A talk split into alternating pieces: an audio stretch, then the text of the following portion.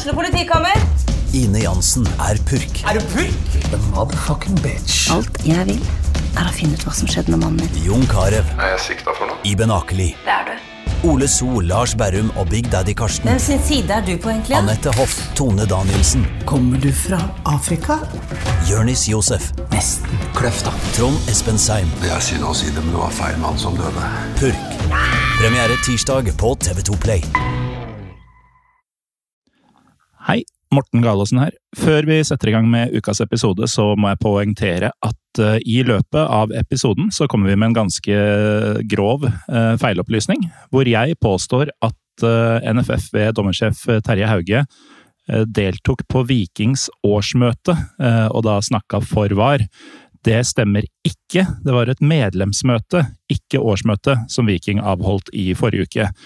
Så når eh, det blir adressert i eh, ukas episode av enten meg, Joakim Bjørklund eller Noah Bachner, så vit at det stemmer rett og slett ikke. Og jeg beklager på det sterkeste at det eh, ble gjort eh, i denne ukas episode.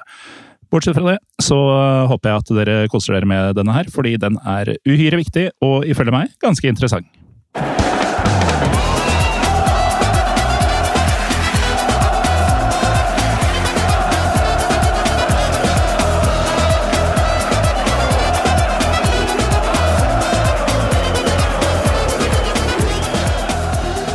Hei og velkommen til den første studioinnspilte episoden av Pyro og Pivo på et par uker. Eh, Jeg heter Morten Galaasen og er tilbake i eh, full vigør. Eh, Ikke på en scene, men i et lukka rom der jeg egentlig hører hjemme.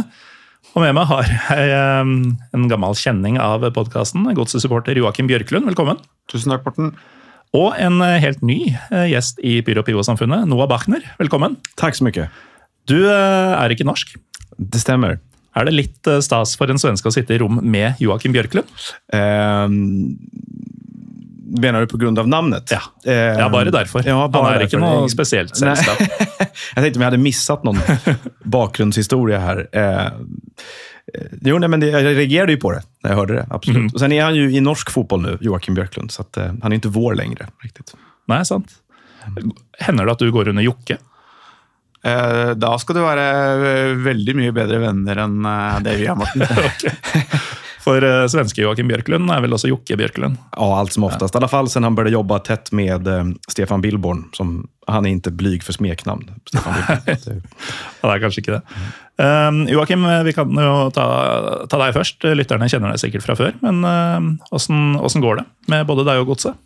Det går fint, da. Eh, Nå har vi jo begynt å plutselig eh, være på sånn oppadgående kurve hvor vi skal begynne å bruke penger. Eh, Smeller Om dere bruker penger, da? Ja, ja, ja. Seks millioner på eh, Toye. Ja, På en stolpe? Ja, på en stolpe. Og på han eh, U21-landslagsspissen Melkersen. Da. Så det er jo Nå er vi liksom Nå er det på en måte vi er tilbake der vi ikke skal være, ved å bruke penger som uh, fulle sjømenn igjen. Eh, jeg skulle vel være i grønn sone etter siste rapportering og tenkte at nå, nå går det bra. Fått inn en fin tropp, og så mister vi, eh, mister vi keeperen vår til eh, Odense i Danmark. Mm. Så ja, det er ting er som det skal være. Jeg hadde et ørlite håp, og så det ble tatt fra meg. Ja. Og så, er- Du er jo litt inne på det. Kjøpefesten og jappetida er tilbake i norsk fotball. Om den er, den er jo hele bare, bare å lene seg tilbake og vente på eh, idiotiske overprisa eh, ting som kommer til å skje fram mot eh, det vinduet stenger eller åpner, eller åssen det er for noe. Ja. Det er vel åpent nå. Jeg tror det norske åpna vel i går, eller noe sånt, mens det internasjonale stengte. Mm. Så sånn fungerer verden. Så du har sånn middels tro på sesongen sånn som det er nå? Akkurat som det skal være, eller? Ja, det er jo Jeg tror ikke vi rykker ned, og det er jo jævla uvant å, å drive med, da. Men eh, nå, nå, nå kan jo alt skje, da, med når, den viktigste spilleren går bort. Eh, går, går til Danmark, alle ting. Mm. Og han ønsket det visstnok sterkt å reise til Odense. Han om det. Men nå er du litt i eh, samme posisjon som vikingsupportere har vært i mange år. Hvor man ikke forstår helt hvor mye bedre den danske ligaen er enn den norske. Og hvor store de store danske klubbene er. Eh, For da Viking eh, solgte Joe Bell og et par andre opp igjennom til Brønnby, så var det jo ingen i Stavanger som forsto hva faen skal der gjøre? Hva slags ambisjoner er det her? Eh, selv om det er da mye bedre betalt, du får bo i København, eh, nærmere Tyskland, Belgia, Nederland og sånn, både i spillestil og, og kvalitet. Eh, så det er jo et bra steg å ta. Men nå har jo både Viking og en del Tromsø-supportere mista det fullstendig på Twitter. Fordi nå solgte Viking en back til Belgia, og han får gjennomgå. Det er sånn total mangel på ambisjoner og sånn for å gå til belgisk toppnivå fra, fra Viking. Og så er det en i, som jeg så fra Tromsø på Twitter, som mente at han Bekken Westerlund, som går til Utrecht i Nederland han, Det er også en helt sinnssyk ting å velge, da, for, for han å bli i Tromsø. Nei, altså jeg, jeg, har ikke peiling på, på, om Odens er en stor klubb. Jeg bare konstaterte at eh, Strømsgodset eh, ga meg håp i ei uke, mm. og så tok de det fra meg igjen. Og da er alt som det pleier å være i Drammen. Ja. Men uh, Noah, du er, jo, du er jo ny i Pyro Pivo-universet. Eh, du er i Oslo for at du skal være med på supporterseminaret 2024. Stemmer. Ja, hvordan, eh, hvordan havna du her, holdt jeg på å si?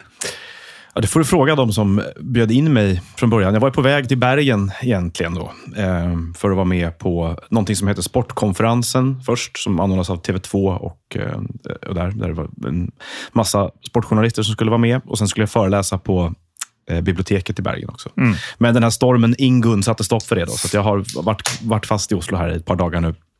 Eh, men jag ska vara med då på lördag på NSAs årsmöte istället mm. och prata om, om svensk medlemsdemokrati och VAR framför allt. Ja, og det er jo litt uh, kjernen i hvorfor vi sitter her. Dette er en ren propagandaepisode uh, nå som det nærmer seg årsmøter. Noen er i gang, faktisk. Jeg tror Viking hadde sitt denne uka, Joakim. Hvor, det skal jeg komme tilbake til, men de hadde besøk fra Fotballforbundet, som prøvde å instruere årsmøtedeltakerne litt i en, i en, sak som vi skal komme inn på. Men vi skal rett og slett snakke litt om medlemsdemokrati, hvorfor det er viktig, og hvorfor man nå må være veldig våken i forkant av årsmøtene som ruller over landet fra og med nå, tydeligvis. da. Men har du vært inne på det. Du, du skulle på noen mediegreier i Bergen. Du er jo journalist i Ekspressen. Ja.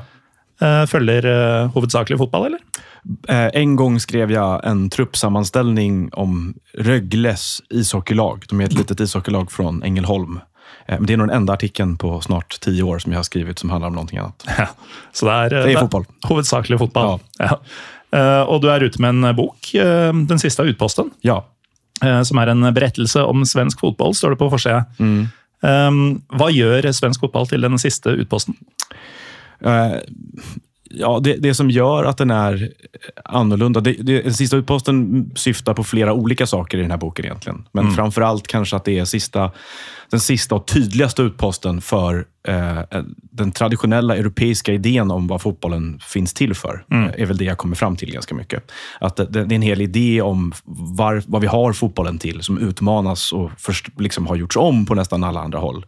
Eh, och Man kan såklart då inkludera tysk fotboll och även norsk som väldigt närliggande till svensk, men det jag menar att Sverige har den största genomslagskraften för någonting annat. Mm. Och, och, och, hela skälet till det är ju att den, är, den ägs och styrs demokratiskt av medlemsdemokrati. Det, annars hadde det sett ut på et helt annet sett.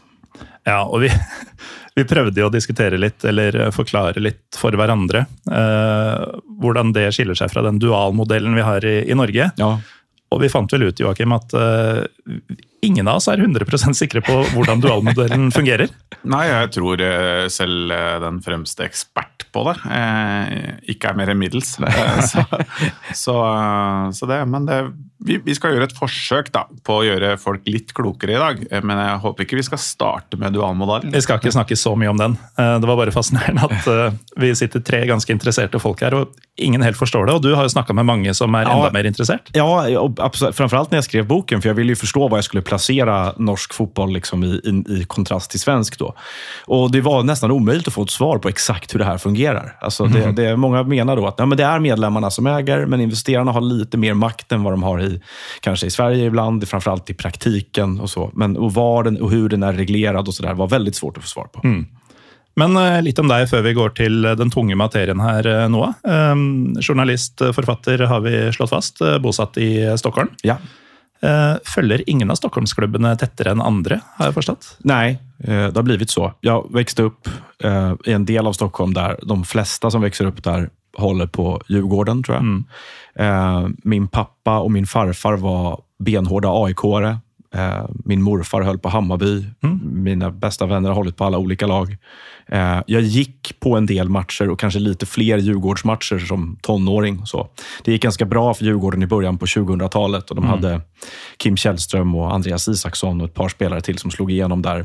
Eh, men jag, när jag var åtta år, blev helt handlöst förälskad i Newcastle United. Så att jag la nästan all min tid och skapade hela min fotbollsidentitet kring det bedrägliga projektet Newcastle.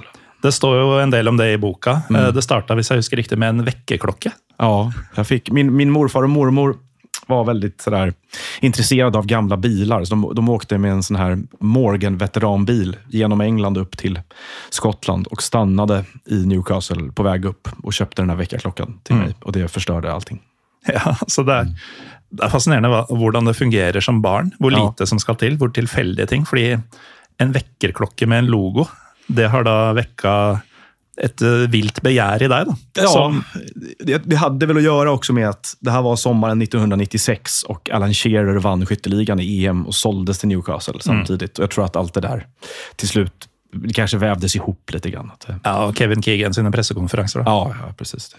Jeg bare, jeg bare kom på en eh, Jeg var på en av mine første eh, ferier, semestre, på Lanzarote. Så, eh, og faren min er eh, en typisk sånn arbeiderklassefyr som er veldig glad i en god deal. Og han så da en Alan Shearer-drakt, eh, riktignok når han spilte for Blackburn, for eh, 50 pesetas eller hva det var for noe. Og vi tar den. Spesialpris for han. Spesialpris for han. Og vi eh, Eh, Jeg tok på meg den og var superstolt for å få en av mine første fotballdrakter. Hvorpå jeg fant ut at eh, han var da solgt i ditt eh, Newcastle eh, nøyaktig sånn 45 minutter etterpå. Ja, det, det för, för mine tanker til at jeg et gjeng år senere der, i januar 2010, tror jeg det er, 2011, ehm, så når när det här mitt sammanbrott med Newcastle på noe sett sker, det helt börjar liksom ifrågasätta väldigt mycket av, av allt det här. Då var det för att jag köpte en Andy Carroll-tröja. För Andy Carroll hade slagit igenom i Championship. Jag, jag bodde i England eh, en period och var på mycket matcher i Championship. Eh, och Liverpool visade ganska mycket intresse för Carroll i det där januarifönstret. Men, men klubben sa hela tiden att vi kommer absolut inte sälja honom. Ni kan lita på oss. Vi, han är inte till salu. Det finns inte en chans. Och av någon anledning då den 30 januari så trycker jag liksom igenom köpet av den här Carroll-tröjan för att jag var så förtjust i honom. Eh, och vaknar till nyheten morgonen den 31 januari att han är Ashley har skjutsat, Mike Ashley som ägde Newcastle då, har skjutsat ner Carroll i sin privata helikopter till Liverpool för att få honom såld för 35 miljoner pund. Så den, den kom där med posten två veckor senare. Jag kastade in den i ett hörn i mitt studentrum i Lund. Og Student også. Ja, Det ja, er- det var alle penger jeg hadde. Så Ja, for det er en, eh, det er en tung investering. Ja, absolut. Det var dyrt. Jeg bestilte den fra England av noen anledning også. Så det var Nei, oer, definerende øyeblikk for meg. Ja, fotballen er nådeløs, altså. Ja. Men eh, det er jo litt eh, håper å si, ironisk at eh, du har skrevet denne boka om det temaet, eh, og så følger du eh, kanskje det laget i Premier League som har hatt mest eh, hva skal vi si, eh, mest kontroversiell rekke av eiere etter hvert. Oh. Fordi Mike Ashley satt på den tiden. Ja, det er vel, det är väl möjligen Manchester City som kan mäta seg med tanke på at de hadde Taksin Shinawatra innan de fikk Abu Dhabi. Men eh, jeg holder vel med og jeg tror at det har påverkat meg veldig mye. Jeg tror at det her liksom, vägen fram till den här boken och de här tankarna om fotbollen och hur den fungerar handlar väldigt mycket om att jag har upplevt från första parkett eh, vad det här andra systemet har för baksida. Och eh, Det är oerhört eh, plågsamt att se följa en fotbollsklubb i 14 år som egentligen inte gör sitt bästa för att vinna fotbollsmatcher. Och Det var ju eh, det som hände under Ashley. Och, och sen då kastas därifrån i famnen på den saudiska regimen. Var, jag tror att många människor som går igenom det eh, har, får problem med det här systemet. Ja, det, det tror jeg også. Vi skal ikke dvele for mye ved det nå. Eh, Har du noe lag i England, Joakim? Eller i utlandet i det hele tatt? Jeg er eh, var vel Liverpool på et eller annet vis. Du- du I, sier det veldig når var- spørrende. Når jeg var liten. Nei, men jeg var innom mange. Men jeg, eh, jeg var eh, også Jeg greide ikke helt å finne greia mi eh, der. Eh, Og så forelska man seg i eh, i, Altså, det var stadionopplevelsen for meg, da, det å bli tatt med ehm, Mm. på kamp, som, som var greia. Men jeg har, et, eh, jeg har, noen, sorte, jeg har noen sorte hull på CV-en, eh, dessverre. Ja, nei, det er, det er jo helt uproblematisk å holde med lag i utlandet også. Men eh, det det skal handle om i dag, er jo nettopp noe du er inne på nå. da. Nærheten til egen klubb, og ikke minst at man kan påvirke mye mer enn man kanskje vet. For som sagt så er det jo nå eh, sesong for årsmøter i de forskjellige norske klubbene, og jeg tror i hvert fall du og jeg, Joachim, Joakim, eh, kan være enige om at f.eks. denne innføringa av VAR, måten det skjedde på, eh, var problematisk. Åssen det har fungert, har vært enda mer problematisk. Og eh, altså skal man få gjort noe med det, så starter det med oss. Det starter med oss, eh, og jeg tenker det, eh, det kan være lurt å dra det, eh, snakke litt om hvordan spesielt VAR da ble innført, og på en måte eh, de som sitter med makt til å styre, på en måte, de, de skal jo styre. Jeg tenker at Når man velger et styre, så skal man, de skal få anledning til å styre, men så var det jo var en så stor og inngrepende og jævlig greie eh, som skulle eh, bare skylle innover landet vårt og ta den der uskyldige, fine norske fotballen eh, ned i møkka. Eh, så ble jo dette her eh, Det ble jo innført under eh, Og den viktigste årsaken var jo at dette skjedde internasjonalt. VAR er kommet for å bli.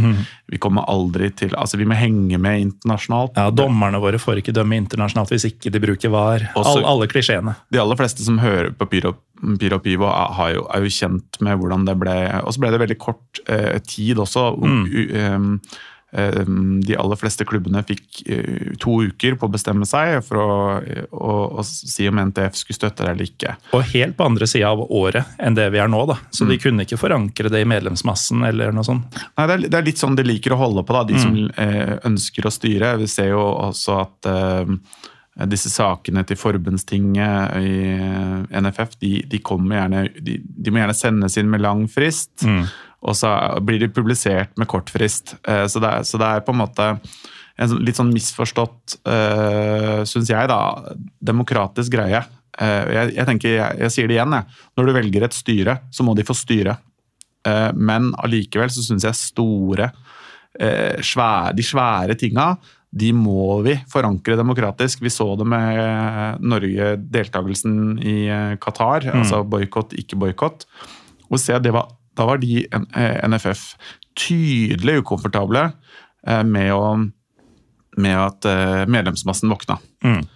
Og, og, og jeg tenker at eh, den, den gjengse supporter, litt som vi prata om før vi begynte å trykke på knappen, dette er på en måte supportervirksomhetens elevrådsarbeid. Eh, og det er på en måte ikke derfor man engasjerer seg i en fotballklubb. da, fordi at for, at, for å drive med organisasjonsarbeid. Man er jo der fordi man er, identifiserer seg med klubben, byen osv. Man skal stå på tribunen og skrike. Men nå må vi våkne, da. Eh, Og vi skal sikkert si det mange, nok, mange ganger eh, i dag, men nå, nå må vi våkne. Og nå må vi gripe den der unike muligheten som eh, fotballdemokratiet egentlig har å tilby. da. Mm. Ja, det er nettopp det. Og um, du er inne på det, det er jo elevrådsarbeid dette her. Men bare for å få det inn tidlig i episoden. Um, for dere som holder med diverse norske klubber, uh, er det ikke gjort ennå, uh, gå inn på fotballsupporter.no var. Der ligger alt du trenger, uh, til og med et ferdigskrevet årsmøteforslag som du kan sende inn på din klubbs årsmøte. Sørg for å mobilisere gode krefter i supportmiljøet. Vær medlem av klubbene deres og um, få banka gjennom at klubben din eh, rett og slett er eh, tvunget til å jobbe mot VAR eller stemme mot VAR ved neste korsvei, hvordan dette fungerer. Jeg tenker også, eh, Det å mobilisere er én ting. og eh, Jeg la jo ut en retvita en tweet fra Pyro Pyvo før jeg kom hit. for jeg tenkte, å, kjempe, Kjempeaktuelt tema. Men det, det, jeg tenker, det er utrolig viktig at dette årsmøtet behandles. Mm. Fordi da får man en debatt på det, og da får man diskutert det istedenfor og jeg tenker at Folk som, er, eh, som ikke er store skarer, de må ikke være redde for å ta det opp på et årsmøte. Mm. For det er viktig at man får diskutert det. Og det er viktig at man tar en debatt på det. Ja, og, vi i Strømsgodset vi eh, er jo ganske nye i dette her med medlemsdemokrati, for vi, eh, vi har jo en litt kjip historie. Drammenspatriotene. Ja, vi, vi, vi Drammenspatriotene, det er en Det må vi lage en episode om. Uansett. eh, Jeg tenker det at Vi, vi hadde den saken oppe på årsmøtet i 2022, og var-saken altså, eh, og, og tapte. Mm. Eh, Og vi, vi var jo helt nye på dette her, og vi tapte med, med, med et par stemmer. Men, og da var det før eh, innføringen. for Vi prøvde at klubben skulle stoppe dette her. Mm. Men jeg tenker folk må ikke være redde for å ta det på årsmøtet for å få diskutert det. Ja vel, da, så, så kommer Sarpsborg 08 altså, til å eh, Altså at årsmøtet forkaster forslaget ditt. Men da er det i hvert fall oppe. Da er det Mm. diskutert. Eh, og da har man utveksla argumenter. Da har man noe som heter demokrati. Det er nettopp det. Og um, selv om man skulle ikke få gjennom forslaget sitt, så betyr ikke det at klubben er forankra til å gjøre det motsatte. Nettopp. Så da kan du prøve igjen neste år. Nettopp. Men uh, Noah, um, i Norge så var det jo sånn at uh, norsk toppfotball, som er de, altså, det såkalte interesseorganet for de 32 klubbene på de to øverste nivåene, de hadde en votering seg imellom, uh, hvor da de bestemte seg for å kjøre inn VAR. Uh, og så ble det tatt med Fotballforbundet og TV 2 som er rettighetshaver, og nå sitter vi i fella. Um, I Sverige så er Man har ikke kommet dit, men hvordan er, holdt på å si Hvordan har diskusjonene rundt innføring av VAR vært, og hvor står man i dag? Ehm, den svenska VAR-processen börjar egentligen, skulle jag säga, 2018. Alltså, VAR kom ju till Europa på allvar 2016. Då började det införas i de stora ligorna. Eh, 2018 på hösten så beställer Svenska Fotbollförbundet och Svensk Elitfotboll, som är motsvarigheten till norsk toppfotboll, eh, en utredning av VAR eh, för Sveriges del. Alltså, vad skulle det kosta? Vad är fördelarna? Vad är nackdelarna? Hur lång tid tar det att implementera? Vilken version av det ska vi ha? Och så vidare. Och Lyssnar man då på förbundsordföranden Karl-Erik Nilsson eh, som han hette då, eh, så säger han att nu, det här har kommit för att stanna. Eh, nu ska vi sätta fart på den här, på den här processen i Sverige också. Eh, och Den här utredningen tar, den kom, det här aviseras på hösten, vintern 2018. Eh, den presenteras först i januari 2021. Och när de säger att nu ska vi börja utreda det här, så börjar det aktiveras saker i medlemsmiljön i Sverige kan man säga. Ehm, 2019 så fast, fattar ett par klubbar, får in motioner från medlemmar på, av elitföreningar på här sidan, för det är de som kommer beröras av det här i första hand. Fattar årsmötesbeslut om att motverka införandet av VAR. Eh, ytterligare åtta klubbar tror jag det, kom, tillkommer eh, under 2020. Eh, och då börjar det bli en hel del. Eh, ytterligare klubbar tillkommer 21, så då är man uppe i, jag tror de är uppe i jag tror sex klubbar till. Då. Så då börjar man närma sig en majoritet av klubbarna i svensk elitfotboll som har sagt att det här vill vi inte ha. Eh, och när man har gjort det, när man når den kritiska massan där, så blir det ju problem för förbundsstyrelsen och för övriga fotbollen i Sverige att säga, berätta för elitklubbarna att jo, ni ska ha det här. Alltså, det, det är så resonemanget har varit mycket från, från medlemsrörelsen. Den här utredningen, när den kommer i, i början av 2021, den är, liksom, den är ganska objektiv. De säger att så här, det finns för och nackdelar med det här. Det är rätt dyrt. Det är mycket andra saker vi vill lägga pengar på. Eh, och, och det, det- leder liksom inte till någon aktiv, stark process. Från den, den gruppen som högljutt säger att de vill ha det, det är domarna själva. Och Det är samma sak som ni beskriver här ganska mycket i Norge. Att argumentet i Sverige är att vi kommer inte få döma internationella matcher och sådär. Eh, sen under, under 2022 eh, så, eh, så märker man att eh, ja, men då dyker det upp igen på agendan. Då börjar det pratas om igen. Att, att det börjar uppmärksammas att nu har 29 av 30, de 30 högst rankade ligorna i Europa bestämt sig för att skaffa det här, eller skaffat det, för då har ju Norge sagt ja också tror jag. Den siste utposten. Ja, men precis. Och då, och då, och då, och då blir det det här liksom kulturkriget lite mer av det hela, skulle jag säga. Att, eh, och, och det leder som, det är lite likt det här också, att sitter man med i de här forumen och rummen, alltså i förbundsledningar eller i toppen av ligaorganisationer, så tycker man inte att det är lika coolt att vara annorlunda som man tycker om man står på läktaren till exempel.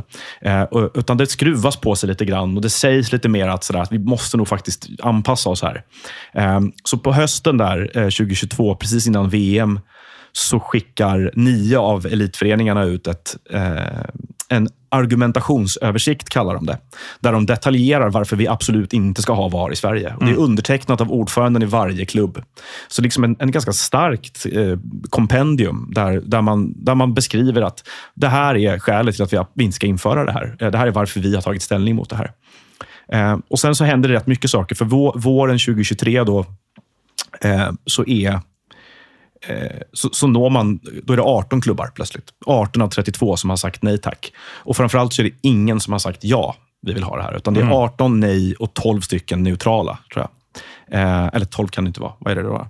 Ungefär 18 plus 14 neutrala. Eh, och då byter de ordförande i fotbollförbundet. Eh, så Karl-Erik Nilsson lämnar efter 12 år och som avsked så har han en, två saker att säga och en av dem är att vi måste ha VAR. Vi kan inte hålla på så här längre. Det är dags att sätta fart med det här nu. Så jag vill sätta fart på processen igen. Och Han säger i, i en, en intervju han gjorde med någon podd med, eh, som eh, min kollega Olof Lund har, så tar han upp det här igen. Att nu när jag lämnar så tycker jag mitt, mitt liksom medskick är att ska, vi måste skaffa VAR. Och han ersätts då av Fredrik Reinfeldt som är Sveriges för detta statsminister. Säkert ett bekant namn för många i Norge. Eh, och Reinfeldt, innan han väljs, säger inte så mycket om VAR. Men när han har fått eh, blivit framröstad till ny förbundsordförande gör han det till en profilfråga kan man säga. Att Han går snabbt ut och säger att, att det här är framtiden. Han säger i flera intervjuer, han säger i sin första stora tidningsintervju med Dagens Industri att eh, eh, det blir lite konstigt om vi inte har VAR. Alltså, och, och Det där är också den här sprickan som uppstår då att, att vi är konstiga tycker många i Sverige är bra. Och så finns det de som tycker att det är pinsamt.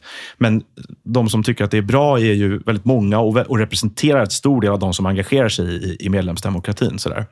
Eh, Och sen fortsätter det här. Han säger igen under en stor intervju i, i, i SVT, vår statliga television, på sommaren att VAR är vår framtid och det här ska inte några få supportrar bestämma. Det här är hela fotbollens fråga. Vi, vi, eh, även unga människor som växer upp idag ska få, få få med och tycka till om det här och så vidare. Och, och där blir ju den här diskussionen att okay, men är, är, är det så då att medlemsdemokratin inte är tillgänglig för alla? Finns det någon tyst majoritet där ute som inte får vara med på medlemsmötena och så vidare? Och där tar ju liksom, kanske då, upplever jag i alla fall, argumentationen slut lite grann. Att, eh, o- o- om det då är många som verkligen vill ha VAR, då är det bara att gå och rösta för det och, och, och vinna på. Men ändå, har- trots det har ingen elitklubb eh, röstat ja till det här. Men så, för att avsluta hela där vi är nu, så, så är vi inne i ett, ett, vad jag tror är ganska avgörande skede, där förbundsstyrelsen i Sverige hade tidigare makten att ta det här beslutet själva. De kunde säga, de är vad är de, sex eller åtta personer. Eh, De kunde säga själva att vi, nu, nu gör vi så här. Nu lägger vi förslag att, att eh, eh, att införa VAR. De har flyttat det till det som kallas representantskapsmötet i Sverige. Som är varje på hösten och där träffas alla distrikt. Sverige är uppdelade i distrikt och distrikten representeras av föreningarna. Så, så distrikten och elitklubbarna och förbundsstyrelsen ska, ska ta beslut tillsammans. Det här har då medlemsrörelsen i Sverige insett, att nu ligger makten hos distrikten. Så det senaste liksom, skeendet här i, i, i- den här grejen är att till distriktens årsmöte nu under våren har det inkommit, jag tror fem distrikt har fått motioner från stora klubbar om att ni ska gå, till representantskapsmötet i höst och säga att vi vill inte ha VAR. Och lyckas man lyckas man trycka igenom den typen av motioner och få de besluten på både föreningsnivå och distriktsnivå, då finns det ingen väg framför längre, skulle jag säga. Tills, tills Uefa tvingar Sverige. Men jag ställde frågan till Uefa för bara några månader sedan och de säger att det är, vi respekterar varje nationsförbunds bestämmande rätt och vi kommer inte tvinga Sverige. Så, att, så, så har de sagt hittills i alla fall. Ja, og um, det med noen syns det er kult å være annerledes, og noen syns det er pinlig. Ja. Som du nevnte, jeg tror at um, jo høyere opp i fotballen du er, jo mer sannsynlig er det for at du syns det er pinlig. For er, da må du gå på disse Uefa-kongressene og Fifa-kongressene og sånn, og kanskje svare for sånn Hvorfor i faen skal dere stå utafor? Og, det, och det er det her som er, Det är jag menar, de, eh, vad er varför är den frågan så viktig? Kan man fråga seg, kanskje. Eh, vem liksom, vad ligger intresset i att vi ska göra på det här sättet? Och det, jag, jag tror att en stor anledning mycket väl kan vara att man tycker att man skäms lite när man, när man kommer dit. Jag, jag har fått höra att i, i, i privata konversationer att förbundsföreträdare har sagt att det är inte bra för Sveriges maktposition i Uefa att vi inte har det här. Därför att det är liksom jobbiga. Och, och, och för Uefa som har kört ut det här systemet då, där i 54 av 55 länder i Europa har inte funnits en demokratisk process där man har gått igenom att ska vi ha det här eller inte. Så ser det ju ut som om VAR ändå är accepterat.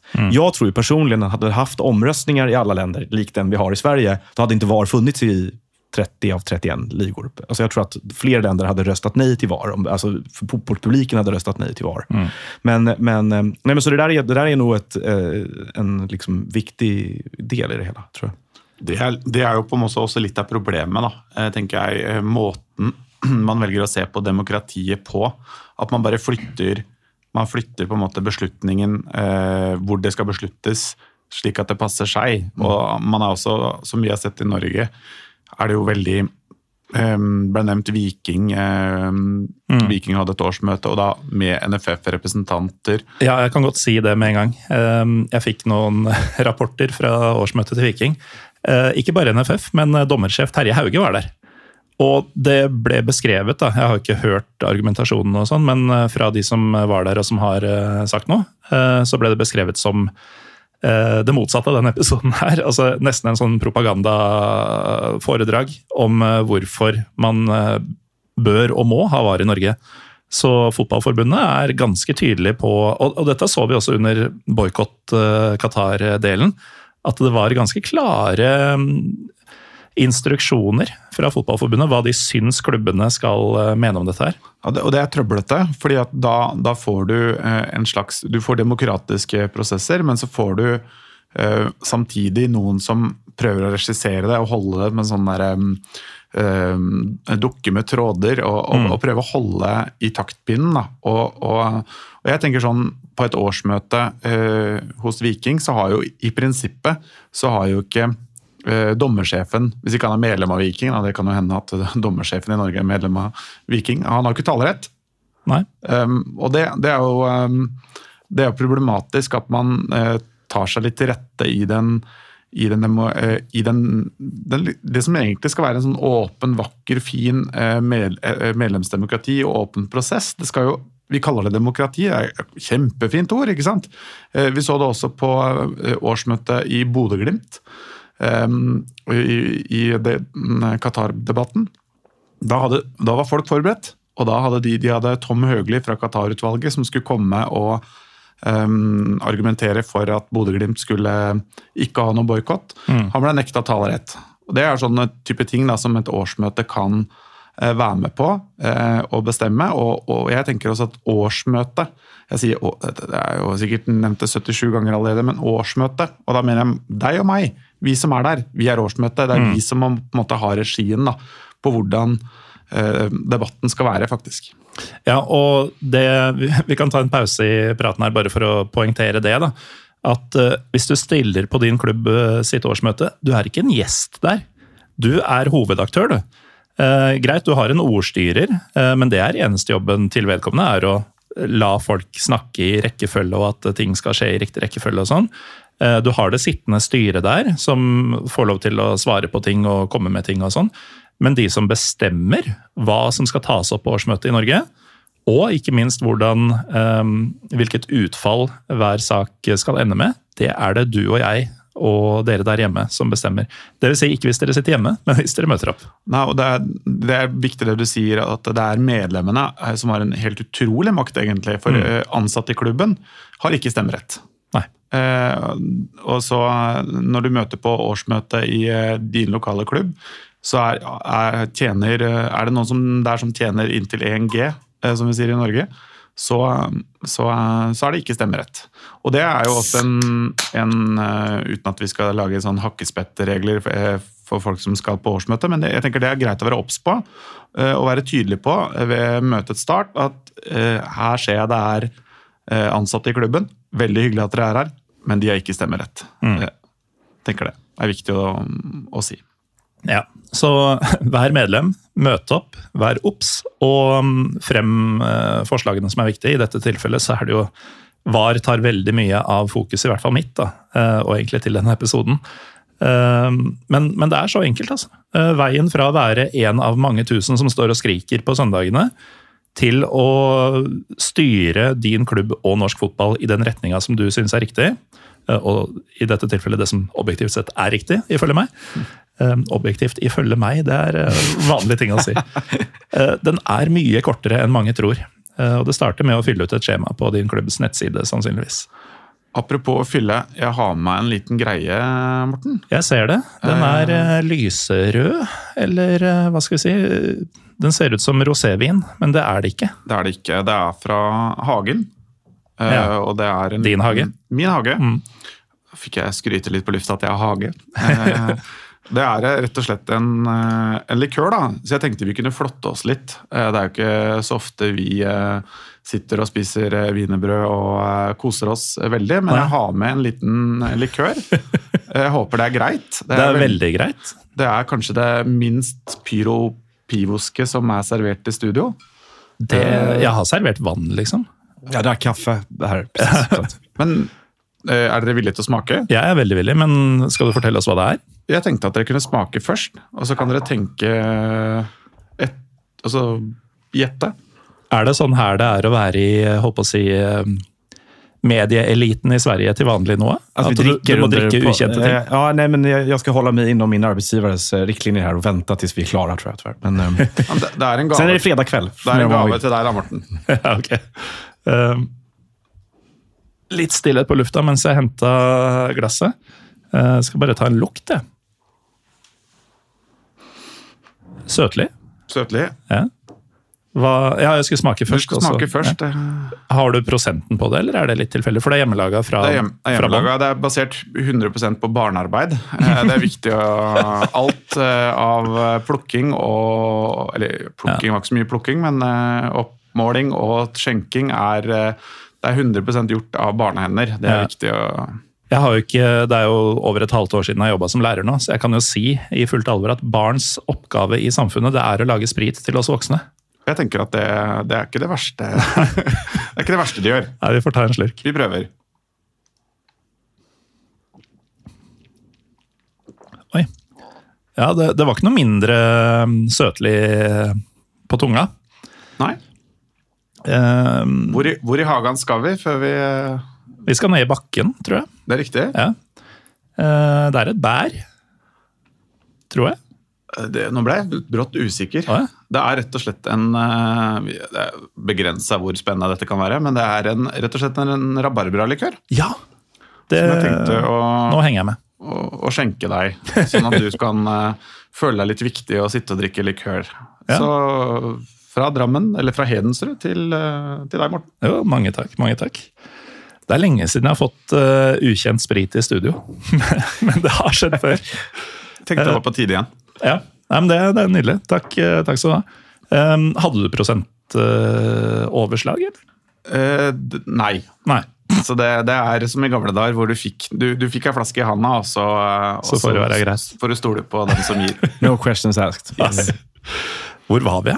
Eh, vi to har snakka ganske mye. Eh, vi, må, vi må over på svensken.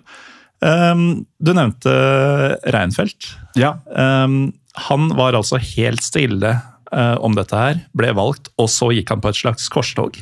Var det riktig forstått? Eh, ja, jeg, jeg, tror at han öppnar, han glemte vel på døren vid den... Han hadde egentlig en frågestund under sin kandidatur till den här posten kan man säga. Där han tog frågor från media och det var när valberedningen till fotbollsbundet sa att det här är vår huvudkandidat. Och då kom frågan om VAR och, och då sa han att, eh, då, då menade han väl tror jag mellan raderna att jag vill inte vara definitiv i det här men jag noterar att det finns nästan överallt. Ungefär så. Mm. vi ska inte vara, han har pratat mycket om att vi inte ska vara teknikmotståndare och, och han vill och sådär. Så att, eh, men sen har han gjort det till en väldigt viktig fråga, absolut. Alltså Det med teknikmotståndare, sånn, det, det er så hersketeknikk å bruke sånn Ja, vi må ikke være for konservative, men vi må, vi må følge med i tiden. Vi må ikke være bakstreverske og sånn. Altså Ikke bare Reinfeldt, men sånn, det er den argumentasjonen man ofte får, da. Eh, Ja, det har vært mye så i Sverige også, mm. blant de som vil ha det. At, man, at liksom, alt forandres. Så her sa de om offside-regelen også, og Ja. og, den typen av argument. Men jeg, jeg, jeg tykker vel litt grann sådär med, om man er motståndare til VAR, så är det bästa man kan göra att bjuda in till så mycket debatt som möjligt.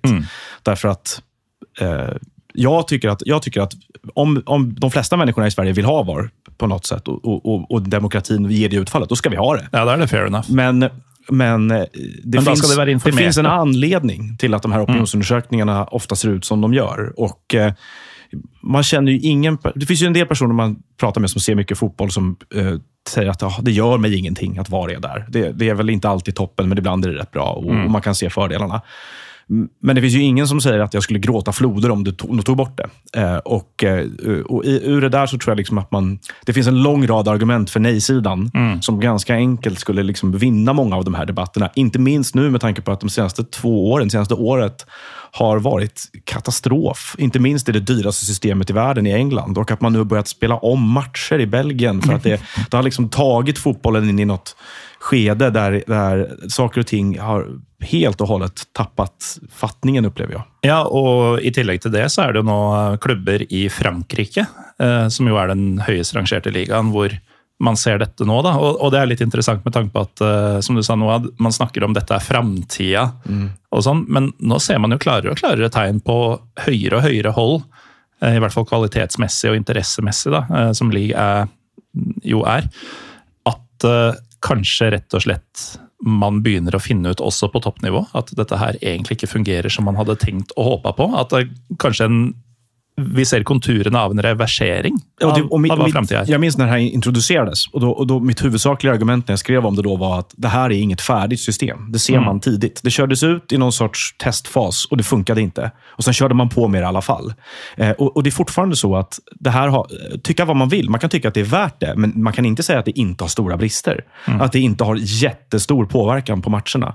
Og det der, Nå har det ändå funnits i skarpt läge i snart ti år. Vi har anvendt det i snart ti år. Det har utvecklats och, och det är fortfarande väldigt stor påverkan. Det, är fortfarande, det pratas ju mer domslut än någonsin. Eh, det är fortfarande en utsatt position för domarna som blir underminerade, vars egna förmåga att fatta beslut ifrågasätts, som inte vågar ta beslut. Så att, eh, och även i England, de, de tyngsta rösterna i den engelska fotbollsdebatten, Gary Lineker och de här, de vill inte ha det. De, de, de längtar ju till FA-cupen för att eh, de slipper titta på det också. Och det där tycker man att, så här, att det, där, det måste nog bildas ett motstånd även i den här maktsfären på något sätt. Som du säger, om ledningen i ligan också börjar ifrågasätta det för att det ska, eh, vinden ska vända lite grann kanske. Ja, Man ser det også i Norge, at uh, tunge meningsbærere uh, som enten har vært positive eller objektive til det, nå er negative. Altså, Lars Kjernås har jo nesten blitt uh, ypperste prest for, for oss, Joakim. Ja, ja, Eh, han trodde at dette skulle være bra, har eh, gitt en sjanse, funnet ut at det her fungerer ikke, det er ikke verdt det. Eh, Kasper Wikestad hadde jo en tweet etter at han kommenterte FA-cupen nå på mandag, om at fy faen, det var deilig å kunne forholde seg til det som skjer, og vite at når dommeren har dømt, så er det over.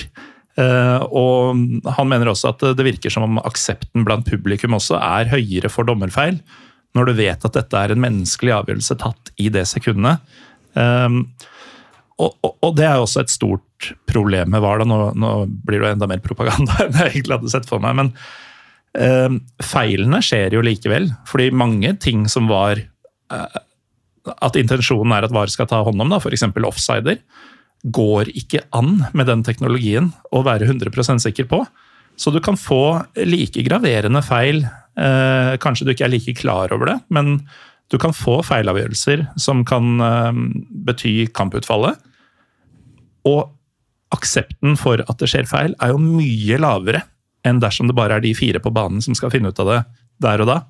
Eh, og det ser du jo med eksempler fra Belgia nå, om Ja. at eh, Ja, nå ble nei, en men- kamp faktisk spilt på nytt. Ja, nei, men, og, og, det der har jo også bidratt, om man da syns at det finnes en, en, et problem med fotballen som den utvikler seg, Att tränare, spelare, domare och andra hamnar under extrem press. Jag menar, om man lyssnar på nu när Xavi och Jürgen Klopp bestämde sig för att lämna sina jobb här ute i Europa så handlade det ju om att de mådde dåligt egentligen. Ganska mycket båda två.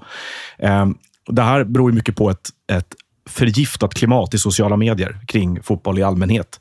Och är det någonting, är det någonting som har tillfört konspirationstänk i, i fotboll i tror jag, i den internationella supportermiljön digitalt, så är det VAR. Därför att det har varit, det är bara att titta på hur klubbarna har agerat också när de anser sig ha blivit feldömda. Och Arsenal har gått ut med officiella utlåtanden där de tycker att saker är oacceptabla. Liverpool begärde omspel mot Tottenham.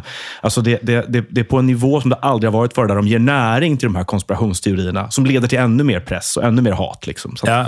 Det är på många sätt en, en farlig väg att vandra, tror jag. Og det, og det tar jo bort litt av det du sier om alt skal være så perfekt hele tida.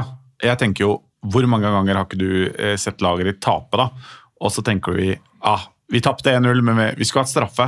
Eller de skulle hatt, eh, de skulle hatt en mann utvist. Så, altså, og, så, og så går man videre med livet sitt. Ikke sant? Ja. Eh, og det er den derre den ev evinnelige troen på at fotball, dømming, kan bli perfekt. Ja. Det er ikke perfekt. Nei, det kan ikke det. Og enkeltsituasjonen som Folk som argumenterer for at ja, men de bruker det i NHL og NFL og andre idretter og sånn. Enkeltsituasjonen eh, som finnes i mange andre idretter, finnes ikke i fotball på samme måte, fordi det er et flytende dynamisk spill hvor én situasjon avløser den andre. Um, og så er det altså i forkant av at det blir gitt en corner, da. Så skulle kanskje angripende eller, eller forsvarende lag hatt frispark i forkant av den corneren. Det er ikke en stor nok sak for at VAR skal involvere seg. Corneren blir gitt. Så blir det scoring på den corneren. Um, og målet er det ingenting å si på. Corneren riktig slått, ingen forseelser i boksen eller noe sånt. Skåring, greit. Men hadde det samme angrepet resultert i skåring i stedet for corner, så hadde VAR kanskje sett at oi, der var det et frispark imot tidligere. Ingen skåring. Så som du sier, systemet kan ikke bli perfekt. Fordi sporten ikke tillater det det. her er en som jeg har fundert mer og mer på, apropos då, hva, hva, er det som driver fotballen i denne utviklingen? Hvorfor plutselig, i midten av 2010-talet tyckte man att det var nödvändigt med den här typen av stora ingrepp i regelverket? Och Jag tror att det finns en ledtråd kanske i, i två andra saker som, som hänger ihop med det här. Om man kollar på vad som har hänt i USA nu till exempel, så har det kommit förslag där om att man ska börja med eh, korta utvisningsstraff. Alltså Spelare ska ut i tio minuter och man vill införa videogranskning av andra grejer. Och, och, och sådär. De, de vill ha in ännu fler moment för att kontrollera spelets skede.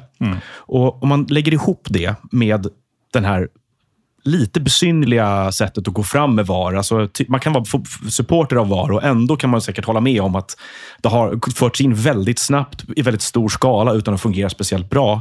Parallellt med att eh, det nya formatet för europeiska turneringar, för Champions League till exempel, det är ju till för att minimera utfallet av slump och risk. Alltså, det, här, det, här, det handlar ju om att Chelsea ska inte kunna ta 11 poäng och komma trea i en grupp när det här 11 poäng hade räckt till att gå vidare i alla de andra grupperna. Utan det nya Champions League-formatet ska göra att de bästa lagen belönas för sin poängskörd och, och går vidare. Och så har du dessutom idén om superliga och stängda ligor det hänger ju ihop i sin tur med att vi har helt nya ägare av europeisk fotboll. Väldigt mycket från eh, investmentbolag som vill ha avkastning på sina... De vill, inte, de vill inte att deras tillgångar och värdet på deras tillgångar går ner på grund av slump, domarfel, otur i lottningen i grupperna. Alltså det här är helt onödiga riskmoment, tycker de, tror jag, i investeringslogiken. investeringslogiken. Så att jag är ganska övertygad om att hela det här förändringen av regelverket, var mer liksom, eliminering av risk och slump för när fotbollen styrs mer av investeringslogik, det hänger ihop på något sätt. Det tror jag. Ja, det, det er jeg helt sikker på at eh, du har eh, rett i. Um, men eh, Noah, du har jo du har skrevet bok om temaet, og jeg anser deg som en, en slags ekspert på emnet her. Vi snakka om det før sending, men vi har ikke gjort det på lufta her. Denne 51 %-regelen i, i svensk fotball. Um, enormt spørsmål her, men hva er det den innebærer? Ja, den innebærer jo at i Sverige så får ingen idrottsförening eh, Uansett idrett. eh, oavsett idrott ägas av privata investerare. Det är väl det korta svaret. Man, man kan bolagisera verksamheten, men den medlemsägda moderföreningen ska äga 51 procent och kontrollera då aktiemajoriteten. Eh, så det är det korta svaret på vad det innebär. Den instiftades i Sverige 1999 efter eh, ja, på, på 90-talet så, så kom det ett önskemål, eller det kom liksom en, en vad ska man kalla det för? En Alltså- efterfrågan. Ja, i, i, I boka så er det skildra en 70-80 års diskusjon Ja. om hvorvidt fotballen skal være profesjonell, amatørmessig, hvem skal styre den, hvem skal eie den osv. Ja. Eh, Så da jeg leste den, jeg ble ganske overraska. I 1999 så var jeg 15 år. Mm. Jeg ble overraska over at det var en så ny ting at 51 %-regelen var inne. For det høres ut som, hvis man ser til tysk fotball, så er det eh, den 50 pluss 1-regelen som de har i Tyskland. Da. Jeg vet ikke hvor sammenlignbar den er med, med den svenske 51 %-regelen, men det føles som en levning fra gamle dager, som eh, man jobber veldig hardt i supportmiljøene for å bevare. Mens 51 %-regelen i Sverige er egentlig en Moderne ting. Ja, eller det är ju, en, det är ett sätt att, att, det gamla systemet. Alltså, Sverige har jo haft demokratiskt styrd fotboll alltid. Alltså, när fotbollen kommer från England på slutet på 1800-talet så är Sverige, precis som Norge, inne i en intensiv demokratiseringsprocess. Så det naturliga är att man organiserar fotbollen eh, enligt föreningsdemokratin. Liksom att, att ja, medlemmarna väljer en gång om året och, och sen organisera hela fotbollen demokratiskt. Mm. Grejen är väl att eh, det här, på den tiden är det mest utövare som går på årsmöten, alltså spelare och så, och, och funktionärer. I mitten på 1900-talet så förändras det till att föreningarna styrs ganska mycket av en stark man, ofta med kopplingar till näringsliv eller politik, som får fatta beslut. Alltså, eh, och, och får ganska oinskränkt makt kanske över mycket. Årsmötena är mer formell, formaliteter, att man går dit och röstar ja. Mm. När 90-talet kommer och den här, dels så kommer ju en, en eh, internationell utveckling med mycket mer pengar. Eh, man ser hur privata investerare börjar hälla in pengar från sidan i andra klubbar. Man har eh, uppskalning av tv-avtal och rättigheter i, runt om i Europa. I Sverige är det en politisk era med mycket privatiseringsinitiativ. Liksom, Carl Bildt. Och, ja, mm. precis. Den, den moderatledda regeringen i början på 90-talet som inför privata reformer i, i sjukvård och skola och man avreglerar statligt ägda företag. Vid samma tidpunkt kan man säga också att i Spanien så går politiken in och säger att klubbarna ska vara privatägda. De gör fy, bara fyra undantag. I Polen gör man en liknande reform. Så det här ligger liksom i, i, i runt omkring hela den svenska mm. fotbollen. Så Djurgården Hockey, är det ju, hockeyföreningen från Djurgården som först säger att vi vill, vi vill bli, bolagisera verksamheten. Och 97 säger de det. Och Då reagerar fotbollsförbundet jätteaggressivt och säger att det här är ett förräderi mot den svenska idrottstraditionen. Vi har medlemsägda klubbar, inga aktieägare ska äga, äga vår idrott. Eh, och, och, Politiker säger att vi kommer strypa bidraget till, till idrotten om, om ni gör på det här sättet. Djurgården struntar i det här, eh, börsnoterar eh, eh klubben, får in 40 miljoner kronor tror jag. Och Då kommer de här kraven, eller hoten om att okej, okay, då ryker er licens. Ni får inte spela hockey i vår högsta liga längre. Så då betalar de tillbaka massa straffavgifter. det blir flera miljoner i straffavgifter. Men då inser ju hela idrotten i Sverige att vi måste ha ett regelverk för det här. Det kan inte vara så att egna föreningar agerar på eget bevåg och, och gör som de vill. Och så två år senare då på det så kallade riksidrottsmötet så bestämmer man att besluta mm. Så tittar man mycket på den tyska modellen och säger att ja, men det här är en bra modell. Där ni kan få bolagisera så här mycket, men vi lägger aktiemajoriteten i, i moderföreningen. Mm. Och sen är det lugnt i åtta år innan det börjar igen med nästa vända. Då, som du säkert har läst om också. Då. Ja. Um, Joakim, forvirra? Nei, nei, jeg er eh, Jeg er litt misunnelig. Ja, jeg synes det er rasende interessant å høre på. Mm. Um, jeg tenker at det er det er å uh, Kjøp boka, folkens! Ja, gjør det. Eh, er den til salgs gjennom norske Jeg jag, jag, har börjat förstå det som det. Jag tror ja. det, att den säljs i Norge nu. Ja. För att det har kommit en del frågor och nu har jag fått höra från folk som har lyckats köpa den i, mm. Norge, så jag tror det. Ja. Um, sjekk Ark og Libris og hva faen det heter alt sammen, folkens. Den siste utposten av Noah Bachner. Uh, veldig interessant å lese, spesielt i disse tider, hvor vi igjen minner om at vi nærmer oss våre årsmøter, hvor alt skal bestemmes. Um, du var litt inne på det i stad, Joakim eh, Drammenspatriotene. Hvis man hadde hatt eh, et system eh, altså Vi har jo dualmodellen i Norge, eh, som ingen av oss helt forstår. Hvis vi hadde hatt et system som de har hatt i Sverige siden 1999, da hadde vel aldri eh, den situasjonen dere havna i, kunnet finne sted? Nei, det, det, tror jeg eh, ikke. Det kommer jo an på hva medlemmene hadde stemt den gangen, selvfølgelig. Mm. Men jeg tenker jo at det kunne ikke finne sted. Og, og, og det som, det som er det er litt sånn vanskelig å forstå, da, er jo at årsmøtet er viktig hele tida. Mm. Uh, og det å, det å, delta i den demokratiske prosessen er viktig hele tida. I Strømskos sitt tilfelle, 2005 vi skyldte så mye penger med Morten, og vi var, vi var ferdig som klubb. Altså Hvis ikke det hadde skjedd noe, så hadde vi tatt en Lyn, Fredrikstad og gått nedover. Vi ble rett og slett redda av noen, av noen folk som da Ulver i fåreklær? Takk. og, da, og, da, og da, da, må du altså, og Det er derfor det er så viktig at uh, medlemsdemokratiet bestemte da, den gangen, at dette gjør vi, vi la oss bli redda. Ting er greit. Mm. Og så uh, kan igjen da medlemsdemokratiet være med på å justere det. Og det har det jo i stor grad eh, vært i Strømsgodset. Vi har hatt sterke eh, styreledere.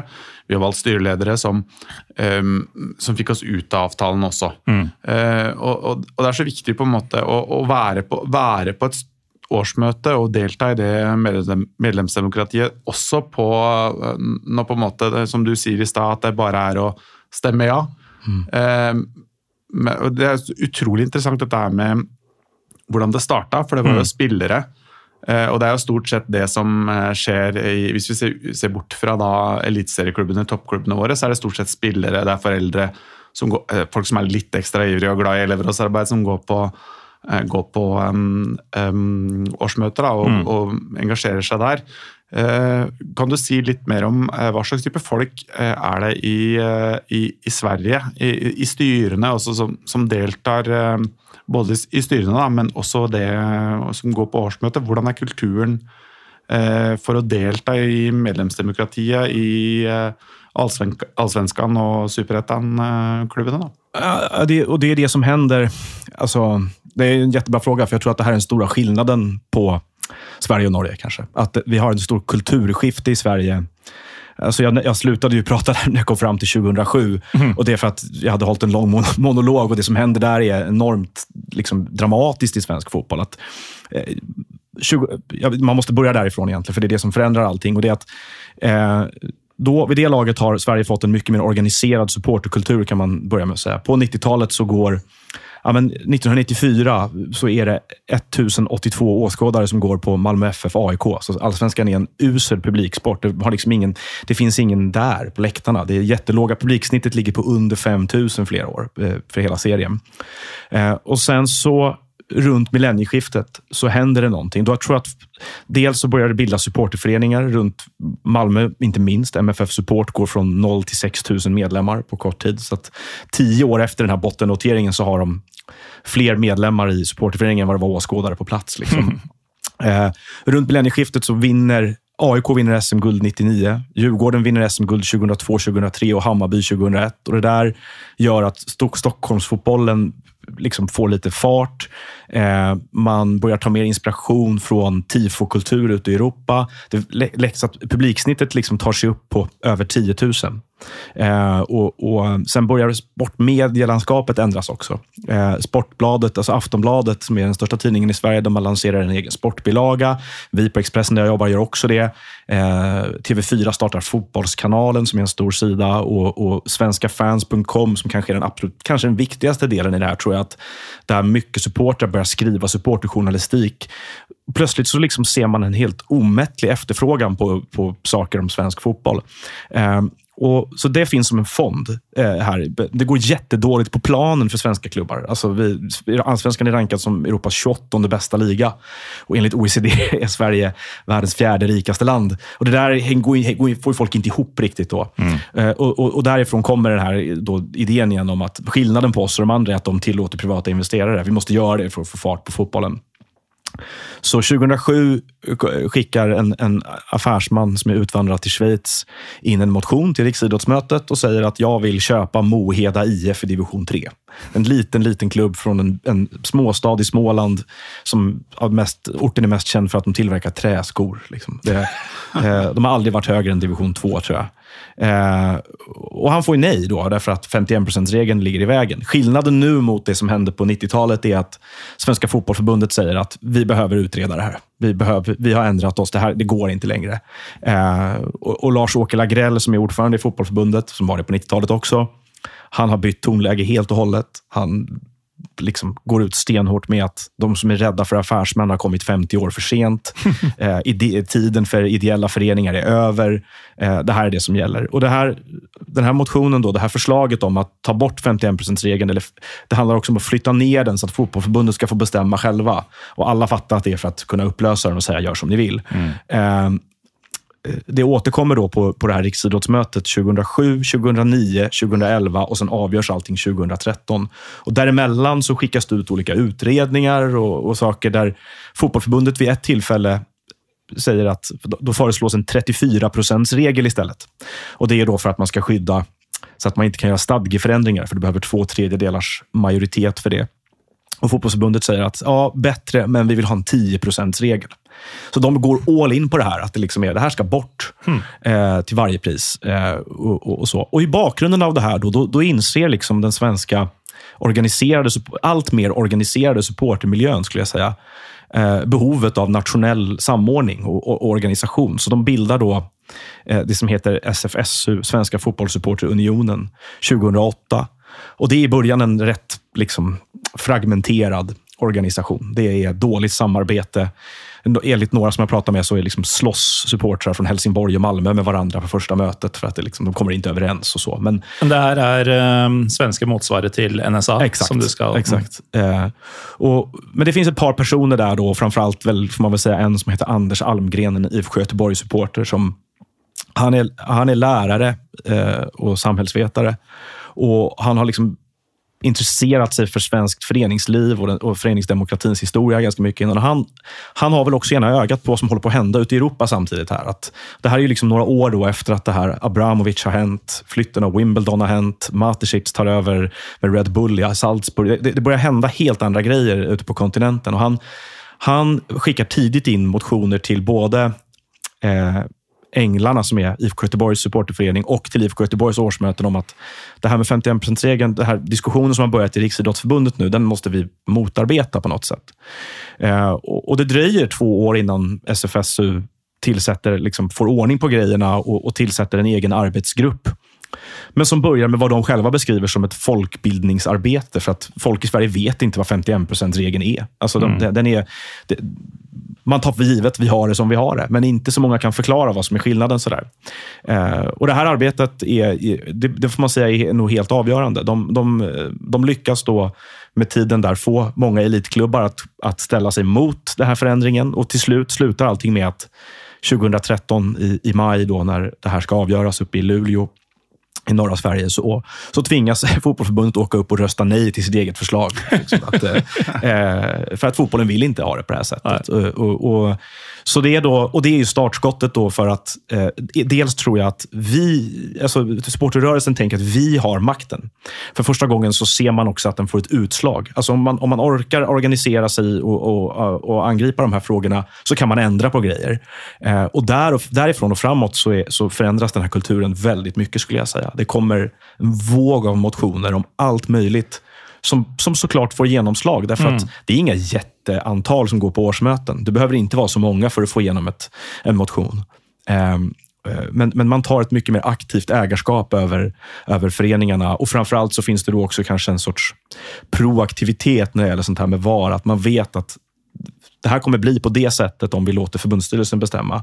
Men vi som har makten över föreningarna, och så, så, så resonerar man rätt mycket inom. Så mm. det är, om man då menar att vi har en aktiv medlemsdemokrati i Sverige, så skulle jag säga att den härstammar mycket från den organiserade supportermiljön. Även om det finns, och i den ingår ju alla möjliga människor. Alltså ibland tror jag folk får bilden av att bara är de som är maskerade och bränner bengaler. Det är det ju absolut inte, utan i olika klubbar är folk med helt olika yrkesbakgrund och sådär. Så, så det, jeg tenker Det er litt den, eh, litt den samme utviklinga som vi kanskje etter hvert begynner å ha sett også i NSA i Norge. Eh, fordi eh, jeg husker at når jeg var mer ivrig i min supportergruppe enn det jeg er nå, så husker jeg vi var på, på seminar, og da diskuterte vi sånne helt sånne banale ting. Da. Man diskuterte ja, det var sånn stadionoppsummeringer. Ja, det var ikke kald, det var ikke kald brus, mm. det var ikke varm pølse. det... Mm det var ikke nok altså, det, var, det er helt sånne banale ting. da.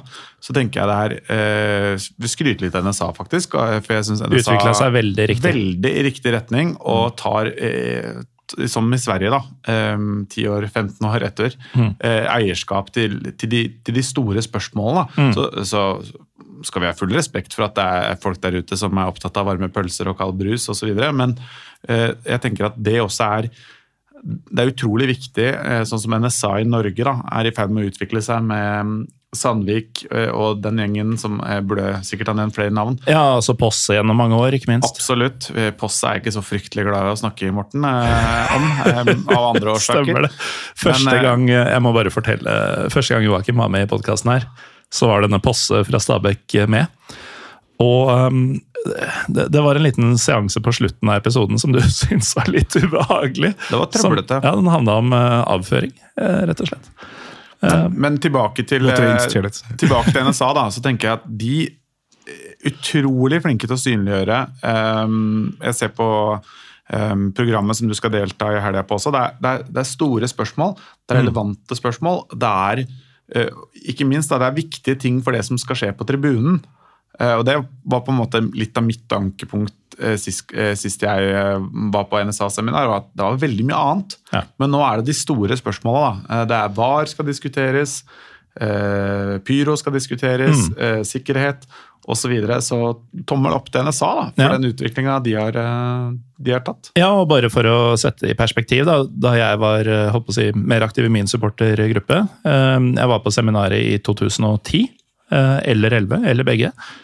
Eh, Og da var Um, Altså, det ble aktivt diskutert i Kanarifansen om vi skulle melde oss ut av NSA. For det var liksom bortkasta kontingent. eh, Det hadde ingenting med oss å gjøre, eller våre aktiviteter, eller noe sånt. Og nå er NSA blitt uh, uh, en veldig viktig uh, hva skal vi si, front for supporterpolitikk. Og, og det skal de ha. Ja, jag tror den store den stora grejen som hände efter 2013 i Sverige också var att eh, svensk elitfotboll, alltså er motsvarighet till eh, norsk toppfotboll, då, de gav SFSU ett bidrag om 100 000 kronor om året. För att visa att de såg dem som en viktig aktör i fortsatta utvecklingen av svensk fotboll.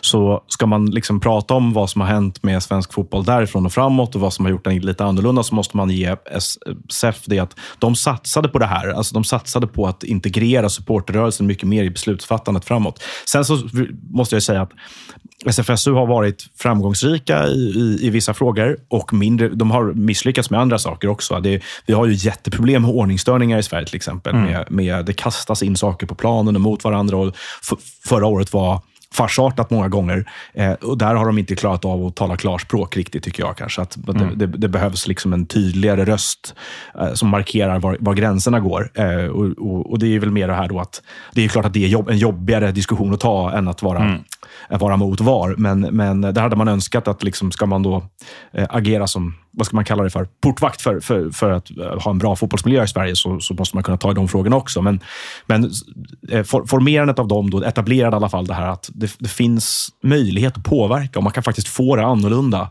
om man går på årsmöten och, och, och gör saker. Och det, det som är intressant nu är, utöver det här att man har börjat bearbeta distrikten i Sverige, vilket jag ser som en utveckling av det här, är att det dessutom börjar diskuteras mer och mer i medlemsled om sportslig utveckling. För det är det som Sverige har missat. Alltså där har ju Sverige halkat efter ganska mycket. Klubbarna har lagt pengar på lite fel grejer och man har inte prioriterat talangutveckling och sådär. Där sker det nu en ganska IFK Göteborg, i Örgryte, i Helsingborg och i lite andra klubbar en kritisk utvärdering av vad styrelserna gör för arbete rent sportsligt. Man börjar liksom titta på... Det var en, en Göteborgssupporter nyligen som la ut ett, en riktigt bra sammanställning av Göteborgs utveckling de senaste tio åren jämfört med jämförbara klubbar. Vilka har suttit i styrelsen vilka, alltså, och så vidare. Och Det där är nog också en sorts utvecklingsområde. att Medlemmarna är ju faktiskt de som äger klubben. Ja. Det är jättekonstigt att gå på match och säga att alla ska avgå när du i, i, i grund och botten är, är delansvarig för strategin och vem som utför den och hur den följs upp. Sådär. Och Den insikten kommer också krypande ganska mycket. Att det här är det långsiktiga arbetet ligger också i, i, hos medlemsbasen. Det, så det, är, liksom, det händer saker där också i Sverige.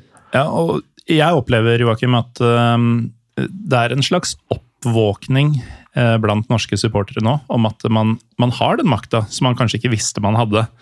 Um, jeg syns stadig flere snakker om disse greiene. Mange flere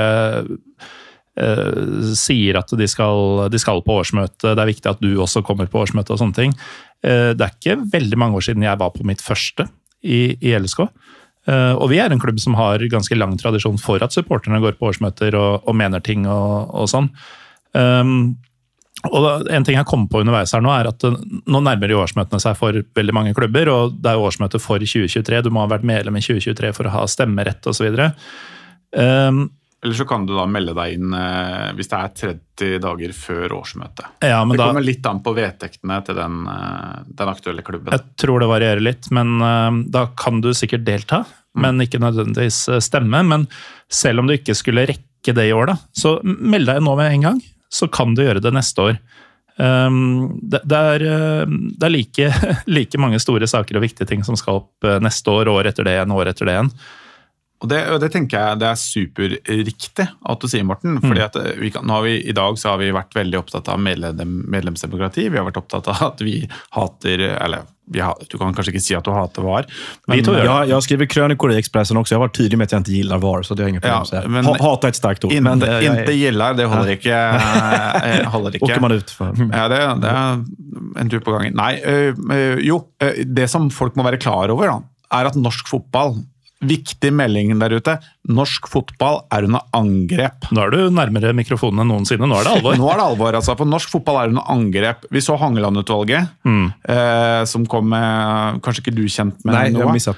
Men det er altså De ønsker å um, øh, Se på mulige endringer av serie- og cupstrukturen. Eh, og i det ligger jo masse idiotiske ting som eh, først og fremst da, å snu til Eh, høst-vår, sånn som kontinentet spiller. Okay. Ja, det, det, er først og fremst cupen, da. Så det var ikke Ja, men det er starten på det. Høst-vår-cup har vi i Sverige, det har vært ganske bra, kan jeg meddele. Men eh, ja, nei, nå, nå, veldig, nå, nå, må du Dette blir nå har du sagt noe. Nå. Det er, dette, nå må, tror jeg du må klippe for første gang Pyro og Pivo sin Selv ikke da Posse snakka om avføring. Det holdt, altså. Men ja, det, det, det, ble med. Noe, nei, men jeg, jeg tenker norsk fotball er under angrep, og den, egentlig den fremste Eh, ironisk nok da, så har jo norsk toppfotball et, et styre. Eh, og på toppen av det styret er Cato Haug, ja. eh, fra, eh, som representerer Sarpsborg 08, vel? Ja, og de mørkeste Altså, hvilken klubb han kommer fra, er egentlig ikke så viktig. Det han egentlig representerer, er ondskap. Ondskap er, eh, er et riktig ord, Morten. Ja, det treffende ord. Fordi her, her, snakker vi om en fyr som, som eh, har noen uttalelser som eh, som bare river Vi skulle tro at det var noen eh, folk som leda noen mindre mm, pop, altså ikke mindre populære riker, eh, riker på 1930-tallet. Mindre demokratiske mindre riker. Demokratiske riker. Mm. Her, her, snakker vi om en fyr som, eh, som det, blir, det, blir, protestert fra klubbene når Hangelandsutvalget legger fram sin rapport. Mm. Og det blir protestert ganske kraftig internt. Mm. Og Cato Haug har ganske sånne ganske sånne drøye uttalelser. Ganske antidemokratiske uttalelser. Ja, Vi må bare minne om eh, noe, og dere som hører på, at uh, dette er da lederen for den såkalte interesseorganisasjonen for de 32 toppklubbene. Um, som da vel i praksis taler mot uh, interessene til medlemmene, Joakim? Det gjør noe. Nå skal jeg bare nå skal jeg, eh, Vi tar en liten sånn eh, eh, Og det er jo da om eh, VAR i Norge han uttaler, da, faktisk. Mm. Eh, og det er noen, det er noen formuleringer som, som, ikke hører hjemme, da, tenker jeg, når du, når du, i hvert fall når du driver en eh, Jeg frykter at vi tar beslutninger basert på følelser og aksjoner som ikke er de faglig beste. Mm. Og faglig beste blir veldig, det er en sånn veldig slitt uttrykk i Norge. da, At eh, vi må ta et eh, beslut. vi må ta en beslutning. Er det ufornuftig, eller hva er det? liksom? Ja, vi må, nei, vi må ta det på et faglig altså Det handler om eh, kunnskapsbasert. Ah, okay. ja. Eh, eh, og hvem, hvem, har kunnskapen? Jo, mine folk. Mm. Uh, og jeg tenker jo at han, han, han, han har noen det er litt sånn VAR er kommet for å bli. Ja. Eh, Han har jo i praksis også sagt at uh, selv om uh, størsteparten av medlemsklubbene i NTF mener én ting, så er ikke vi forplikta til å gå inn for det de mener. Og Vi, vi fortsetter med, med, den godeste Cato Haug her. Han, skri, han sier til VG eh, heldigvis lever vi i et demokrati. uh, og da må de gjerne få gjøres, uh, ha aksjoner. Dette var uttalt i forbindelse med hva, aksjoner som norske mm. supportere satte i gang ja, over i sesongen. I... jeg hadde håpet at man ikke får sånne aksjoner der man mobiliserer på enkeltsaker, men at man, man er heller med å utvikle fotballen kontinuerlig. Det var noe tilsvarende med denne Kantar-debatten. Sånne aksjoner er aldri optimalt optimalt. Og jeg tenker at, eh, jeg vet ikke om du fikk med deg noe, Lise Klavenes gikk på eh, Kongressen eh, og Noah var på den kongressen. På kongressen. Nei, jeg var ikke på den kongressen, men jeg, jeg var på Jag var där på eh, Infantinos öppningstal. Men jag vet såklart vilket tal du menar när Klaveness satte Ja. ner foten mot Fifa. Så, og det hadde jo aldri skjedd, og ære være Klavenes for at hun faktisk gikk på og var såpass tydelig. Men hun var instruert av eh, årsmøtet. Hun var endelig, så var det vi som var uh, The Puppet Masters. Mhm. uh, jeg tenker at vi bare, bare fortsetter litt. grann. Jeg, jeg, for jeg syns de uttalelsene er så utrolig Det antidemokratiske. er mer Cato Haug. Mer Cato Haug. NTF har vært tydelig i sitt syn. Hvem er NTF? Eh, Vi tror VAR er kommet for å bli. Det ser vi ute i Europa, og det er fornuftig i Norge. Utviklingen blir så bra at vi om noen år vil tenke at det var lurt at vi fortsatte med VAR. Mm. og det, altså det er eh, Hvor lenge har de hatt det i Italia? Er det ti Ja, Siden 2017 tror jeg. Så Ja. det er vel oppe i sju-åtte år nu. Føles som ti år. Men uh, en ting som er litt morsomt, jeg mener at det var i 2021 da eh, det ble klart at eh, VAR skulle innføres fordi NTF hadde hatt denne lukkede voteringa. Eh, så, så var et av, en av tingene de sa, var at eh, ja, på sikt så skal det norske publikum bli begeistra for innføring av VAR i Norge. Dette sa de altså i 2021, og nå sitter vi her tre år etterpå. og ja, halve Norge, og forhåpentligvis vel så det, mobiliserer for å bli kvitt faenskapet. Men, men en fråga der. Visst er det så det er en hel del inom fotbollen i Norge har uttalat sig ganska mot VAR också? Jag tycker man har sett från tränare och spelare Ja, och, och, landslagschefen. och andra också som inte gillar det. Så det, och det. Och det är väl det här att eh, det gjordes opinionsundersökningar i Sverige av fotbollsförbundet bland spelarna på elitnivå. Där den första de gjorde visade att det var fler som var emot. Eh, och sen, den kom aldrig ut. Men sen så kom det en till eh, i mitten av förra året, tror jag. Eh, och där var det ja, en knapp majoritet ville ha det. Men det var väldigt mycket nära 50-50. Och det är frågan om ens det räcker för att göra så här stora förändringar. Liksom att det, för jag tänker att om, om det har 90 procent av spelarna vill ha VAR, då kanske publiken kan tänka sig att ändra sig också. Men, men det är liksom inte, inte överhuvudtaget nära där heller. Jeg, jag, jag beklager at det på en måte du, at du kupper litt, Morten, men eh, det blir verre. eh, Fra, eh, fra, Er du fortsatt Cato Haug? Ja, fortsatt Cato Haug, altså. Jeg må bare, før du sier det, jeg ble litt usikker da jeg sa landslagssjefen, fordi jeg vet at eh, Ståle Solbakken har vært veldig mot eh, kunstgress. Jeg mener å huske at det også var var, men jeg tar litt han, forbehold. han, måtte nok, eh, han måtte nok si at han var imot VAR, ellers hadde vi brent bildekk, sånn som eh, landslaget vårt presterer. Ja, sant. Eh, hør på dette her. Hør på dette. Bare senk skuldra, ta en litt rabarbralikør, og så hører dere på dette her. Direkte spørsmål fra VG. Er NTF-styret pliktet til å sette deres egne meninger til side hvis flertallet sier noe annet? Det vil rett og slett si at hvis flertallet mener noe annet enn det de som sitter og er valgt i styret eh, i NTVF, mener noe annet, så kommer dette her, Morten. Og det, og vi, vi, det, første, det første er jo, har vi hørt før, hvis det er faglig dumt å vrake VAR, så må noen stå opp og ha et faglig syn. Og så kommer det som jeg syns er det er så antidemokratisk og så kjipt. Vi er eid av klubbene, men det er ikke sånn at vi må mene det 32 klubber mener. Så det vil sikkert være rart hvis 32 klubber- mener det ene og vi noe annet. Jeg sier ikke at det vil være en gunstig situasjon. eh, og, og jeg tenker at da har du et syn på verden som jeg syns er rasende fascinerende, altså. Ja, øh, nå skal ikke jeg Jo, det skal jeg faktisk. Um, Cato Haug er ikke skikka til å ha den rollen han har. Og øh, så fort vi har fått behandla VAR-spørsmålet, hvis man ikke allerede er i gang med ekstra forslag om å stemme imot han på neste hva det nå enn er, NTF-kongress eller hva man har, så bør det kanskje være neste på agendaen. Men øh, vi er i ferd med å måtte gi oss. Um, jeg vet ikke om vi har kommet til en eg, altså total konklusjon, annet enn at det er sykt viktig å engasjere seg i medlemsdemokratiet. Framfor alt så, det er jo min, hele min slutsats i denne boken boken at mm. framtiden for både svensk og norsk fotball, tror jeg, er jo at medlemsdemokratin måtte fördjupas och breddas. Alltså Man behöver mycket fler medlemmar. Från, och Den skulle ju vinna i trovärdighet i sånne här frågor om det inte bara var bilden av at det bare er de som står på kortsidan som er der. Mm. Alltså det vill säga, eh, jag menar, och, det, och det finns några sådana framgångsexempel i Sverige nu. Djurgården har över 26 000 medlemmar. Eh, och det är inte ens i närheten av... Jag, tror Boca Juniors, Argentina har också medlemsägd fotboll. De hade över 30 000 som gick och röstade i deras senaste presidentval. Benfica tror jag har 300 000 medlemmar. Så det finns enorm utvecklingspotential i det. Eh, Men att, eh, så som fotbollen i Europa utvecklar seg, og det er en helt annen diskusjon som vi kanskje kommer komme inn på imorgon på, eh, eh, hos NSA. Men, Ja, vi skal prate men, mer. men, men slutet for den her europeiske fotbollstiden som, som verdens fotbollsepicentrum, den, det kommer. Alltså, Mm. Europa kommer ikke være eh, plassen for best spillere, mest pengar og mest makt så jättelänge til. Og da behøver, en, behöver europeisk fotboll fundera över vad det andra, för andra världen. Vad är det som utmärker europeisk fotboll? Två, tre länder, Sverige, Tyskland, Norge, står bättre rustade för den framtiden enn alle andre, mm. skulle jag säga.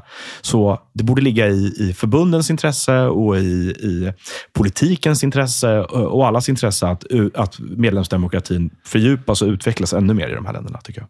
Meget sterk avslutning på episoden, Joakim.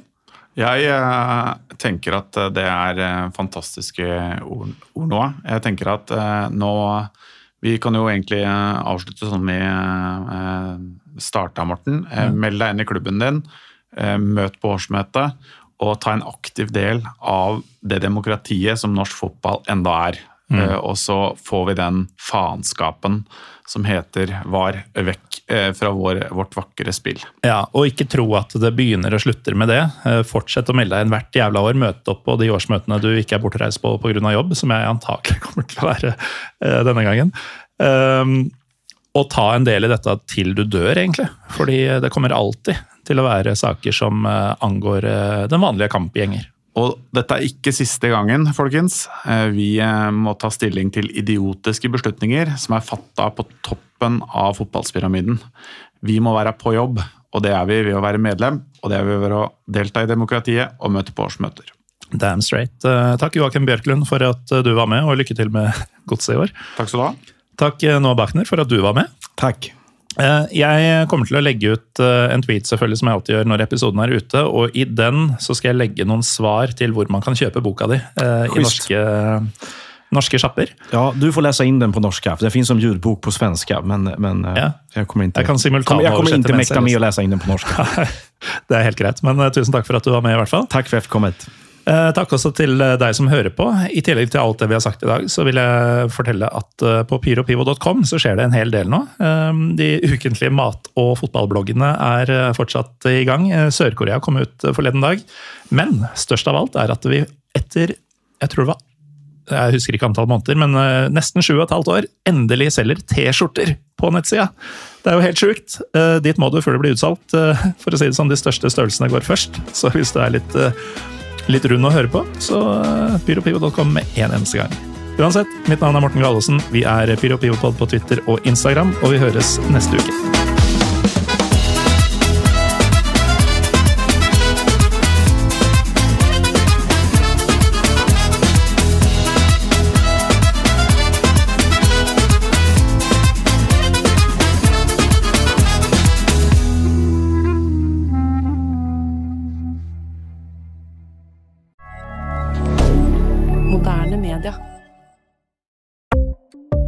Ukens annonsør er HelloFresh. HelloFresh er verdens ledende matkasseleverandør og kan være redningen i en travel hverdag. Mange av oss har nok vandret i butikken både sultne og uten en plan for middagen, som ender med at vi går for de samme kjedelige rettene gang på gang. Middag burde være dagens høydepunkt. Som HelloFresh kan du nå velge mellom 25 ulike retter hver eneste uke, eller få HelloFresh til å sette sammen menyen for deg. Dette gir deg muligheten til å prøve nye og spennende retter alene eller sammen med familien. Du velger antall porsjoner og får alt levert på døren på et tidspunkt som passer for deg. Oppskriftene er enkle, og maten er lett å lage både for store og for små. Ved å få alt levert hjem får du også mer tid til å dele matgleden med familie og venner. Kanskje det frister med asiatiske tacos eller greskinspirert kylling? Da kan jeg anbefale deg om å gå inn på hellofresh.no. Her kan du bruke koden FOTBALL og få opptil 1779 kroner i rabatt på de første fem matkastene hvis du ikke har prøvd HelloFresh tidligere. Du kan også bruke rabatten hvis du har vært kunde og stoppet abonnementet ditt for tolv måneder siden eller lengre. Gå inn på hellofresh.no og bruk koden FOTBALL. Har du et enkeltpersonforetak eller en liten bedrift? Da er du sikkert lei av å høre meg snakke om hvor enkelt det er med kvitteringer og bilag i fiken, så vi eh, gir oss her, vi. Fordi vi liker enkelt. Fiken superenkelt regnskap.